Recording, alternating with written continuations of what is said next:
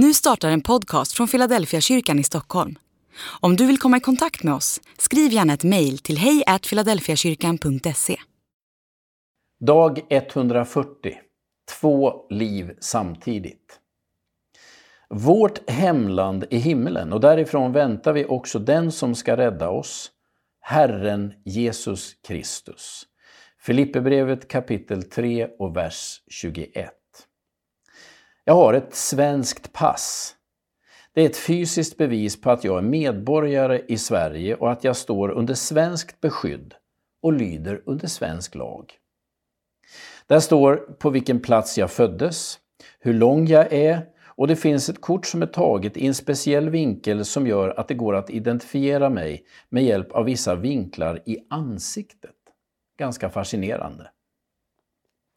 Paulus säger att vårt hemland är himmelen.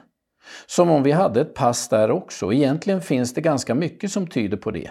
Han skriver också att vi inte längre står under syndens och dödens lag utan under Kristi lag i Romarbrevet 8, vers 1-2.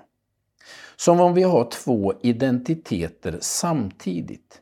Gud ger oss ett nytt liv och en ny hemort.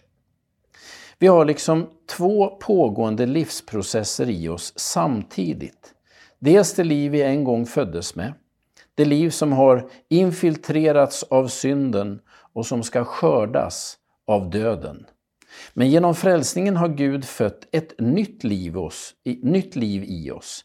Ett liv som håller på att infiltrera vårt första liv. Och som steg för steg kommer att bli vår viktigaste identitet. När Paulus säger att vårt hemland är himlen så vill han påminna sina läsare om var de egentligen hör hemma och att vi bara är på genomresa. Mitt svenska pass är med andra ord tillfälligt, men mitt himmelska medborgarskap är evigt.